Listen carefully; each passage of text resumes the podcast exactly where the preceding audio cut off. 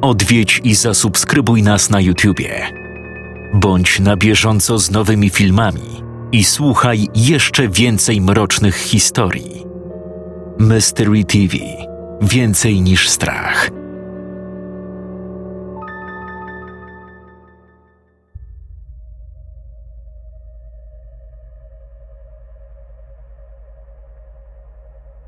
Mieszkałam w drugim, najstarszym domu w okolicy, niedaleko Waco w stanie Teksas, od kiedy skończyłam 11 lat, aż do 18 roku życia. Nie wiem, czy to ważne, ale myślę sobie, że może to być jedyne wytłumaczenie dla zjawisk paranormalnych, które miały tu miejsce. Nie jestem pewna, kiedy dokładnie go wybudowano ale reszta sąsiadujących domów została wzniesiona w latach 40. i 50. Tak więc mój musiał być tu jeszcze wcześniej. Kiedy się wprowadzaliśmy, dom wydawał się całkowicie normalny. Przez lata żyły w nim tylko dwie rodziny, więc nie było dużej rotacji lokatorów. Właściwie to nikt wcześniej nie zauważył – ani nie wspomniał o żadnych nadzwyczajnych zjawiskach dziejących się w tym budynku.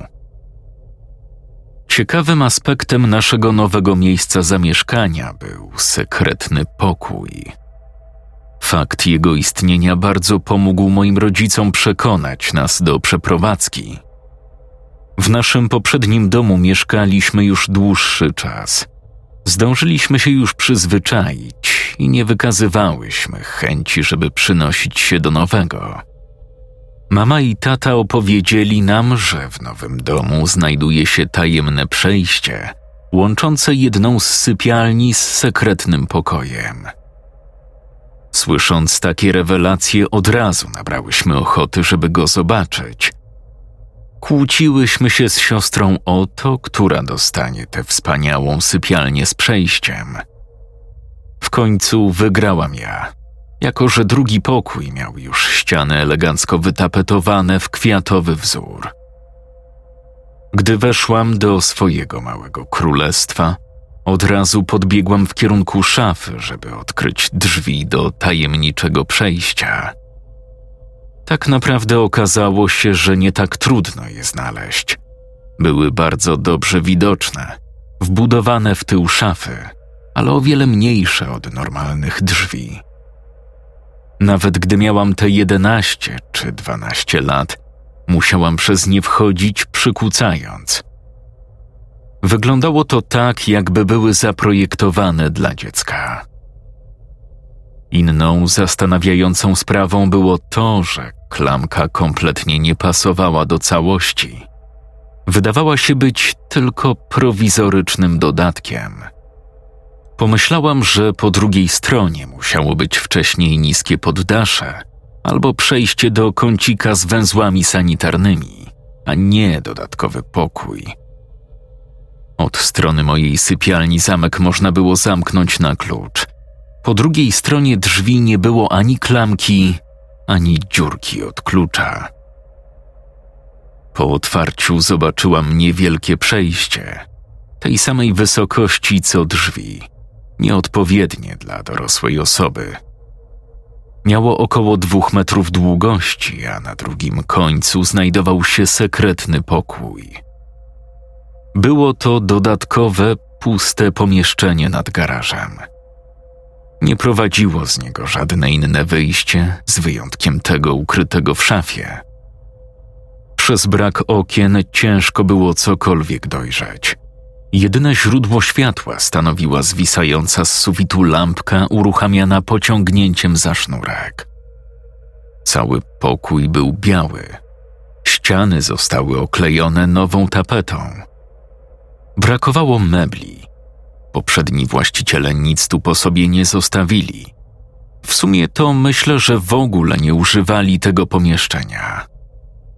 Być może zostało ono wyłączone z użytku tuż po tym, jak się wprowadzili, i od tamtej pory nikt do niego nie wchodził, bo wszystko pokrywała gruba warstwa kurzu.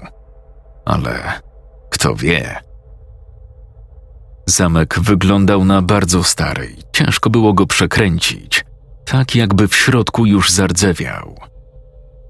Na początku rodzice uważali, że ten mały pokoik doskonale nadałby się na bawialnię dla mnie i mojej siostry, ale po przeprowadzce doszli do wniosku, że być może to nie jest najlepszy pomysł.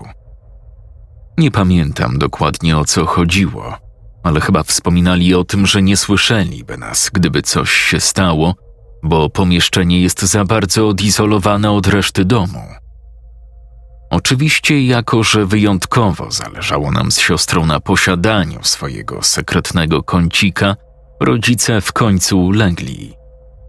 Zastrzegli jednak, że musimy ich informować za każdym razem, kiedy mamy zamiar się tam bawić.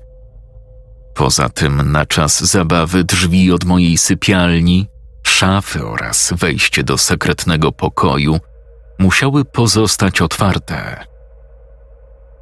Zasady zostały ustalone. I tak jak już wcześniej wspominałam, w pozostałej części budynku, a nawet w sekretnym pokoju, nie występowało coś takiego jak zjawiska paranormalne. No cóż, przynajmniej ja ich nie widziałam. Po jakimś czasie moja siostra zaczęła mieć zmyślonego przyjaciela. Za każdym razem, gdy bawiła się w bawialni sama, słyszałam, jak do kogoś szepcze. Na początku wyglądało na to, że świetnie się przy tym bawiła. Potem zauważyłam, że wyraźnie posmutniała. Mimo wszystko tłumaczyłam sobie, że pewnie tylko mi się wydaje i nie przywiązywałam do tego dużej wagi. Jedyne niepokojące zdarzenie, które przytrafiło mi się w związku z tym miejscem, nastąpiło po raz pierwszy pewnej nocy, kiedy to wydawało mi się, że słyszę z za ścian pokoju jakieś drapanie. Na pewno nie był to dźwięk wydawany przez paznokcie skrobiące powierzchnię drzwi. Raczej coś delikatniejszego, lecz na pewno dochodziło z wnętrza sekretnego pokoju. Byłam przekonana, że słyszę to po nocach ze względu na idealną ciszę, bo to dziwne szuranie było tak niepozorne, że przy normalnym funkcjonowaniu w ciągu dnia inne odgłosy zdecydowanie je zagłuszały. Nie miałam pojęcia, co to takiego mogło być. Powiedziałam o tym tacie, on wszędzie szukał śladów jakiegoś zwierzęcia – nic nie znalazł, tak więc zapomnieliśmy o całej sprawie. Zresztą nie był to jakiś wielki hałas, który rzeczywiście mógłby mi przeszkadzać.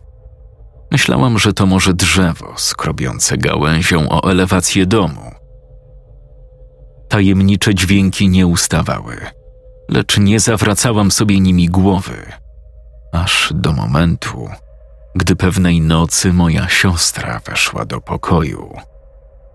Ona też wiedziała o dziwnych odgłosach, lecz nigdy ich nie komentowała. Tamtej nocy, a było to około roku po przeprowadzce, skrobanie jak zwykle dochodziło z za ściany mojej sypialni. Byłam już w półśnie, kiedy zorientowałam się, że ktoś chyba jest w pokoju i otwiera drzwi od szafy. Na początku myślałam, że to tylko sen – ale rozejrzałam się i zobaczyłam otwarte drzwi wejściowe i szafę. Wstałam, żeby to sprawdzić. Trochę się bałam, ale pomyślałam, że to pewnie mama lub tata szukają źródła niepokojących dźwięków, bo ciągle im powtarzałam, że dalej je słyszę. Włączyłam światło w szafie i zajrzałam do środka. W pokoju Ktoś siedział, zwrócony twarzą do ściany. Jak na dzieciaka byłam całkiem odważna. Chociaż czułam dreszczyk emocji, to zdawałam sobie sprawę, że jeśli ucieknę, nigdy nie dowiem się, co się tam właściwie dzieje. Zawołałam więc: Halo? W odpowiedzi usłyszałam: Chciała, żebym do niej przyszła Brzmiało to jak głos mojej siostry. Włącznik światła w bawialni znajdował się kilka kroków od wejścia i nie było go łatwo znaleźć w panującym mroku. Nie mogłam jednak tak łatwo zrezygnować. Weszłam i zapaliłam światło. Przekonałam się wtedy, że osoba, która przebywała w środku, to rzeczywiście moja siostra. Siedziała i skrobała palcami po tapecie na ścianie. Dotknęłam lekko jej ramienia. Zobaczyłam, że płacze, więc szybko podniosłam ją z podłogi i wyprowadziłam z pokoiku. Całe szczęście, że nie zdecydowałam się po prostu zamknąć wejścia na klucz albo uciec i się gdzieś schować, bo siedziałaby tam przez całą noc. Właśnie ta przygoda utwierdziła mnie w przekonaniu, że nigdy nie należy uciekać, widząc coś nie do końca normalnego. Zamknęłam drzwi, odprowadziłam ją do sypialni i poczekałam, aż zaśnie w swoim łóżku. Pomyślałam, że lunatykowała, chociaż nigdy wcześniej jej się to nie zdarzyło. Zasnęła spokojnie, więc nie budziłam rodziców. Sama też wróciłam do łóżka. Następnego dnia zapytałam siostrę, czy pamięta swój nocny spacer, na co zareagowała z dużym niepokojem. Wytłumaczyłam jej, że niektórym zdarza się chodzenie we śnie, lecz ona dodała po chwili, że dziewczynka poprosiła ją o wspólne oglądanie jej rysunków. Widziałam po jej twarzy, że ze strachu zbiera jej się na płacz. Nie drążyłam tematu i nie zapytałam, kim jest ta nieznajoma. Próbowałam ją uspokoić, zapewniając, że to był tylko koszmar. Planowałam zaprowadzić ją do bawialni, żeby mogła na nowo się z nią oswoić. Nie chciała jednak wchodzić do pokoju, więc poszłam tam sama. Od razu zauważyłam, w którym miejscu na ścianie są wydrapane ślady. Zobaczyłam skrawek oderwanej tapety. Pociągnęłam ją i większy kawałek materiału zaczął odchodzić od ściany. Pod spodem ukryte były dziecięce rysunki wymalowane kredkami. Zwykłe bazgroły, przedstawiające głównie koty i domki, ale jeden z nich zwrócił moją uwagę na dłużej. Scenka ukazywała małą dziewczynkę, kota, mamę i tatę. Wyglądali jak normalna rodzina, narysowana ręką dziecka, z wyjątkiem tego, że tata był pozbawiony twarzy. W jej miejscu znajdowało się tylko puste koło. Oczywiście jakaś racjonalna część mnie podpowiadała, że młoda artystka po prostu nie zdążyła dokończyć swojego dzieła. Mimo to wizerunek ojca wydawał się dziwnie odstawać od reszty rodziny. Kontury postaci były chwiejne, nierówne, jak gdyby ich narysowanie sprawiało dziecku wielki problem. O swoim odkryciu opowiedziałam rodzicom, a oni nakrzyczeli na mnie za zniszczenie tapety. Nie chciałam, żeby mojej siostrze też się oberwało, więc nie wspominałam nic o jej nocnej wędrówce do bawialni. Mama i tata zezłościli się i stwierdzili, że teraz trzeba będzie naprawiać ścianę i w ramach kary zakazali mi bawić się w sekretnym pokoju. Znalezisko w dalszym ciągu nie wzbudzało mojego niepokoju. Przecież dzieci często rysują po ścianach, a ich rodzice zakrywają bohomazy tapetami. Dopiero później tej samej nocy, leżąc w łóżku i słysząc szurający dźwięk, doszło do mnie, że przypomina skrobanie kredką po ścianie. Od razu przyszło mi na myśl, że może to ta dziewczynka, o której mówiła mi siostra, rysuje właśnie coś w naszym sekretnym pokoju. Po tym zdarzeniu naprawdę zaczęłam wierzyć, że ta mała rzeczywiście była tam zamknięta.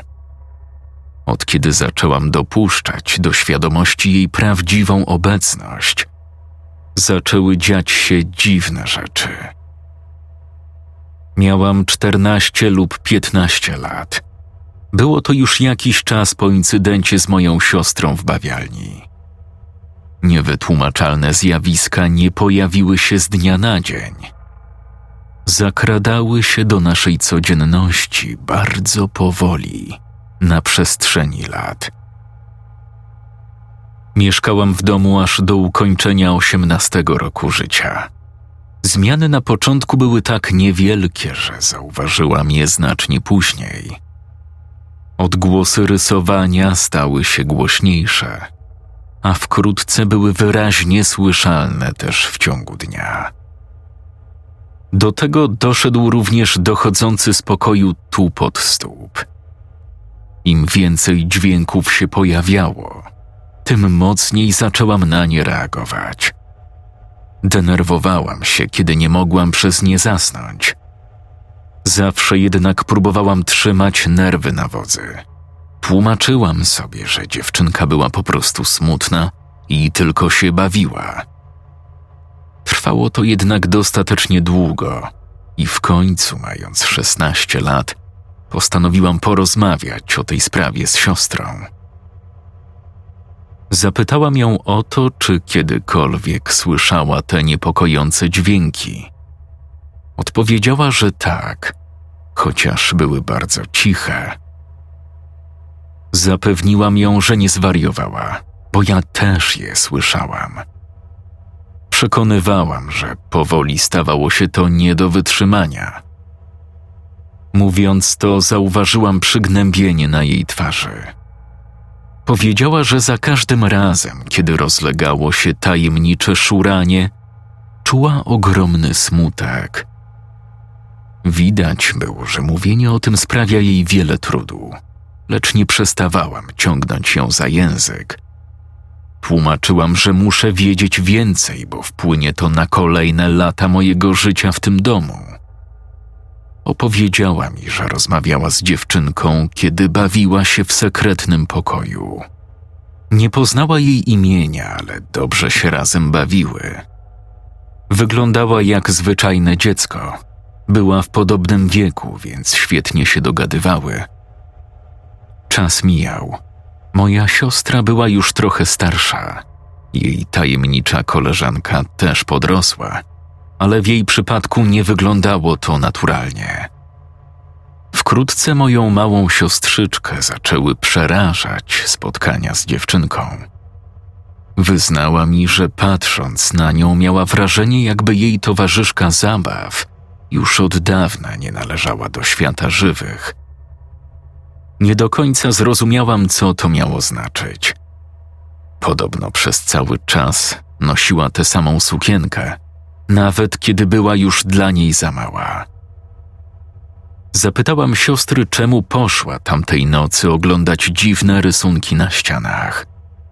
Wyjaśniła, że wcale tego nie chciała, ale dziewczynka wzbudziła w niej tak wielki smutek i poczucie winy, że zrobiłaby wszystko, aby spróbować jakoś jej pomóc. Widać po niej było, że tamte wydarzenia wciąż wywołują w niej strach – więc dłużej już jej nie męczyłam. Z każdą nocą było coraz gorzej. Te okropne dźwięki doprowadzały mnie do szału. Chciałam, żeby to coś w końcu przestało i dało mi spać. Dziwna sprawa, bo oprócz złości czułam też strach.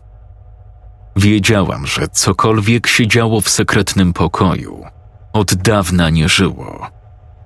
Zastanawiał mnie też fakt, że niewytłumaczalne odgłosy dochodzące z bawialni zupełnie nie denerwowały mojej siostry, ale być może miała większą tolerancję na to irytujące szuranie niż ja. Zapytałam rodziców, kto mieszkał w tym domu, zanim my się wprowadziliśmy. Powiedzieli, że była to rodzina z dwoma synami. Oczywiście mogli zupełnie nie mieć związku z tym, co działo się teraz w sekretnym pokoju, bo przez cały czas ich zamieszkiwania Drzwi do tego pomieszczenia pozostawały zamknięte. Dopytywałam dalej. Chciałam jak najdokładniej poznać historię budynku. Dowiedziałam się, że pierwszymi właścicielami byli ludzie, którzy postawili ten dom. Mieli córkę, która zmarła w wieku 11 lat. Rodzice nie znali szczegółów, ale powiedzieli mi, że zginęła w wyniku wypadku. Nie chodziło więc o żadne morderstwo. Zapytałam, czy to dziecko zmarło w naszej bawialni, ale rodzice stwierdzili, że raczej nie.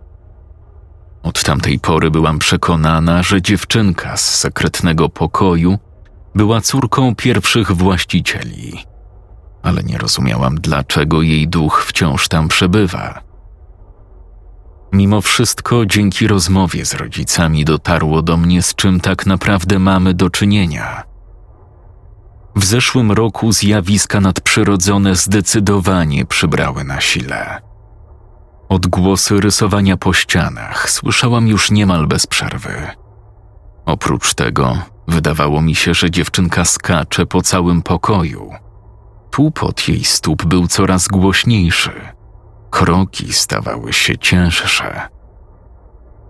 Za każdym razem, gdy ze złości nie wytrzymywałam i waliłam pięścią w małe drzwi prowadzące do bawialni, natychmiastowo uciszała się, ale i tak dobiegał do mnie jej cichy szloch.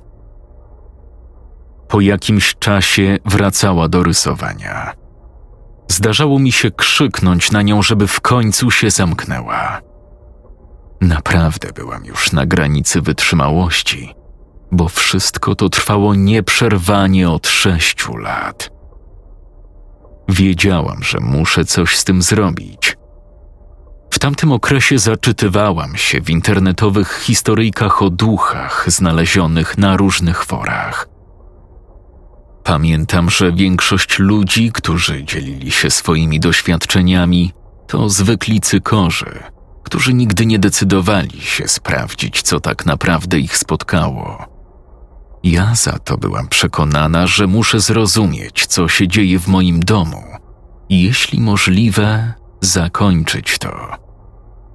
Nie miałam żadnego planu, ale wiedziałam, że koniecznie muszę się zobaczyć z tą dziewczynką i spróbować z nią porozmawiać. Na krótko przed moją osiemnastką rodzice i siostra wyjechali gdzieś na weekend. Zdecydowałam się zabrać z ich sypialni kluczyk do sekretnego pokoiku. Od dnia, w którym zerwałam tapetę ze ściany, wejście do bawialni było zamknięte. Postanowiłam, że poczekam, aż ponownie usłyszę dobiegający stamtąd odgłos skrobania. Niestety, o dziwo przez długi czas nie usłyszałam nic i wreszcie zasnęłam. Było około pierwszej w nocy, kiedy obudził mnie głośny łomot, jakby ktoś skoczył albo spadł z wysokości. Zaraz potem usłyszałam jej kroki i oczywiście bazgranie po ścianie. Zanim zdążyłam się przestraszyć, poczułam, jak zalewa mnie fala złości. Chociaż przecież od początku chodziło mi o to, żeby ją zobaczyć, byłam wściekła, że mnie tak gwałtownie obudziła.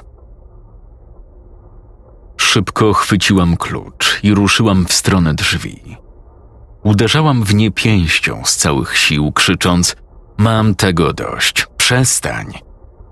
Po czym otworzyłam zamek.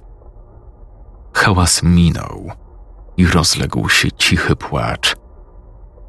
Otworzyłam drzwi. Po latach ponownie zobaczyłam wnętrze sekretnego pokoju.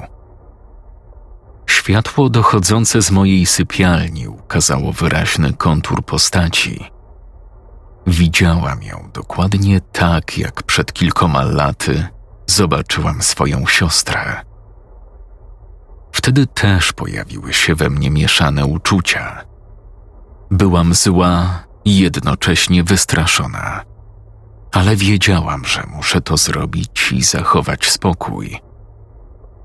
Przekroczyłam próg i stanęłam kilka metrów od tajemniczej osoby tkwiącej nieruchomo w kącie pomieszczenia. Włączyłam lampkę. To, co ukazało się moim oczom, było prawdopodobnie najstraszniejszym widokiem, jaki kiedykolwiek miałam okazję oglądać. Żadne monstrum z najbardziej przerażających horrorów nie mogło równać się z tym, jak nienaturalnie, odpychająco wyglądała ta dziewczynka. W końcu zrozumiałam, dlaczego moja siostra tak dziwacznie opisywała tę zjawę.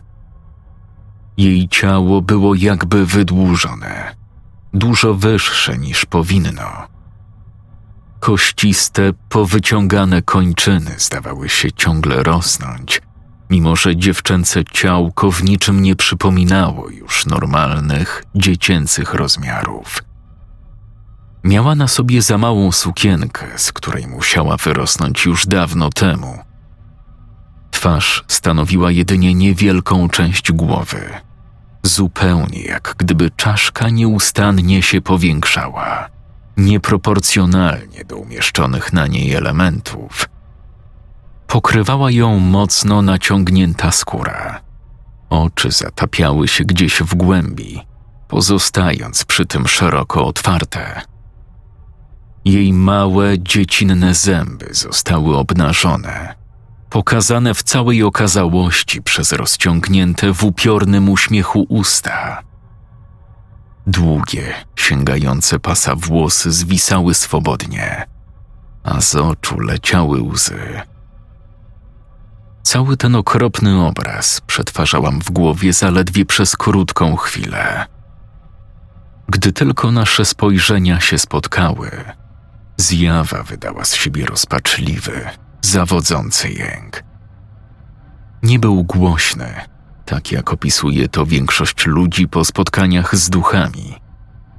Było to raczej słabe wołanie kogoś, kto cierpiał okropny ból – nie mogłam jednak nic odczytać z jej twarzy, bo była za bardzo zniekształcona. Wyglądała zbyt nieludzko. Jak tylko usłyszałam jej płacz, ulotnił się cały mój gniew. Kontrolę nad ciałem przejął strach i uciekłam. Chciałabym napisać, że pobiegłam po kamerę, ale ja po prostu stamtąd zwiałam – Wiem, że wcześniej odniosłam się z pogardą do ludzi, którzy tchórzą i nie decydują się dociekać prawdy, ale ogarnął mnie paniczny lęk i po prostu uciekłam. Błyskawicznie opuściłam swój pokój i zbiegłam na dół do samochodu. Resztę nocy spędziłam w domu koleżanki.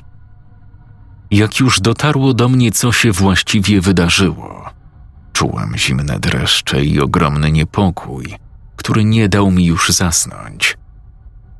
Nie chciałam wracać do domu sama. Zdecydowałam, że zaczekam na rodziców. Mieli być w domu w niedzielę i dopiero wtedy pojawiłam się tam ponownie. Zapytali, czemu zabrałam klucz i zostawiłam drzwi z szafy otwarte. Tłumaczyłam, że miałam zamiar zabrać i sprzedać na eBayu swoje stare zabawki. Wtedy też zajrzałam do sekretnego pokoju po raz ostatni i zamknęłam wejście na klucz. Od tamtej pory nic paranormalnego się już nie wydarzyło. Nie wiem czemu tak nagle odzyskałam spokój Oby nie dlatego, że wypuściłam na świat jakiegoś demona jak w The Ring. Jako, że nadal nic się nie dzieje, przypuszczam, że musiałam jakoś pomóc tej zjawie.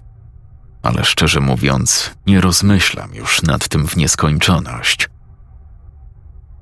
Rodzice przeprowadzili się zaraz po tym, jak poszłam do koledżu, a ja nie mam ochoty powracać w tamte strony. Tak sobie myślę, że jakiś członek rodziny, jakiś mężczyzna, musiał krzywdzić tę dziewczynkę. Prawdopodobnie denerwowały go jej głośne zabawy. Może nawet ją bił. Otaczające ją kobiety, widząc to, czuły pewnie smutek i ból. Stąd to zaufanie, którym dziewczynka obdarzyła początkowo moją siostrę. Oczywiście to tylko moja teoria, ale wydaje mi się, że ma sens. Wszystko skończyło się w zeszłym roku, ale im dłużej o tym myślę, tym trudniej przypomnieć mi sobie szczegóły. Przepraszam za ten długi post. Nie zdawałam sobie sprawy z tego, że mam aż tyle do powiedzenia.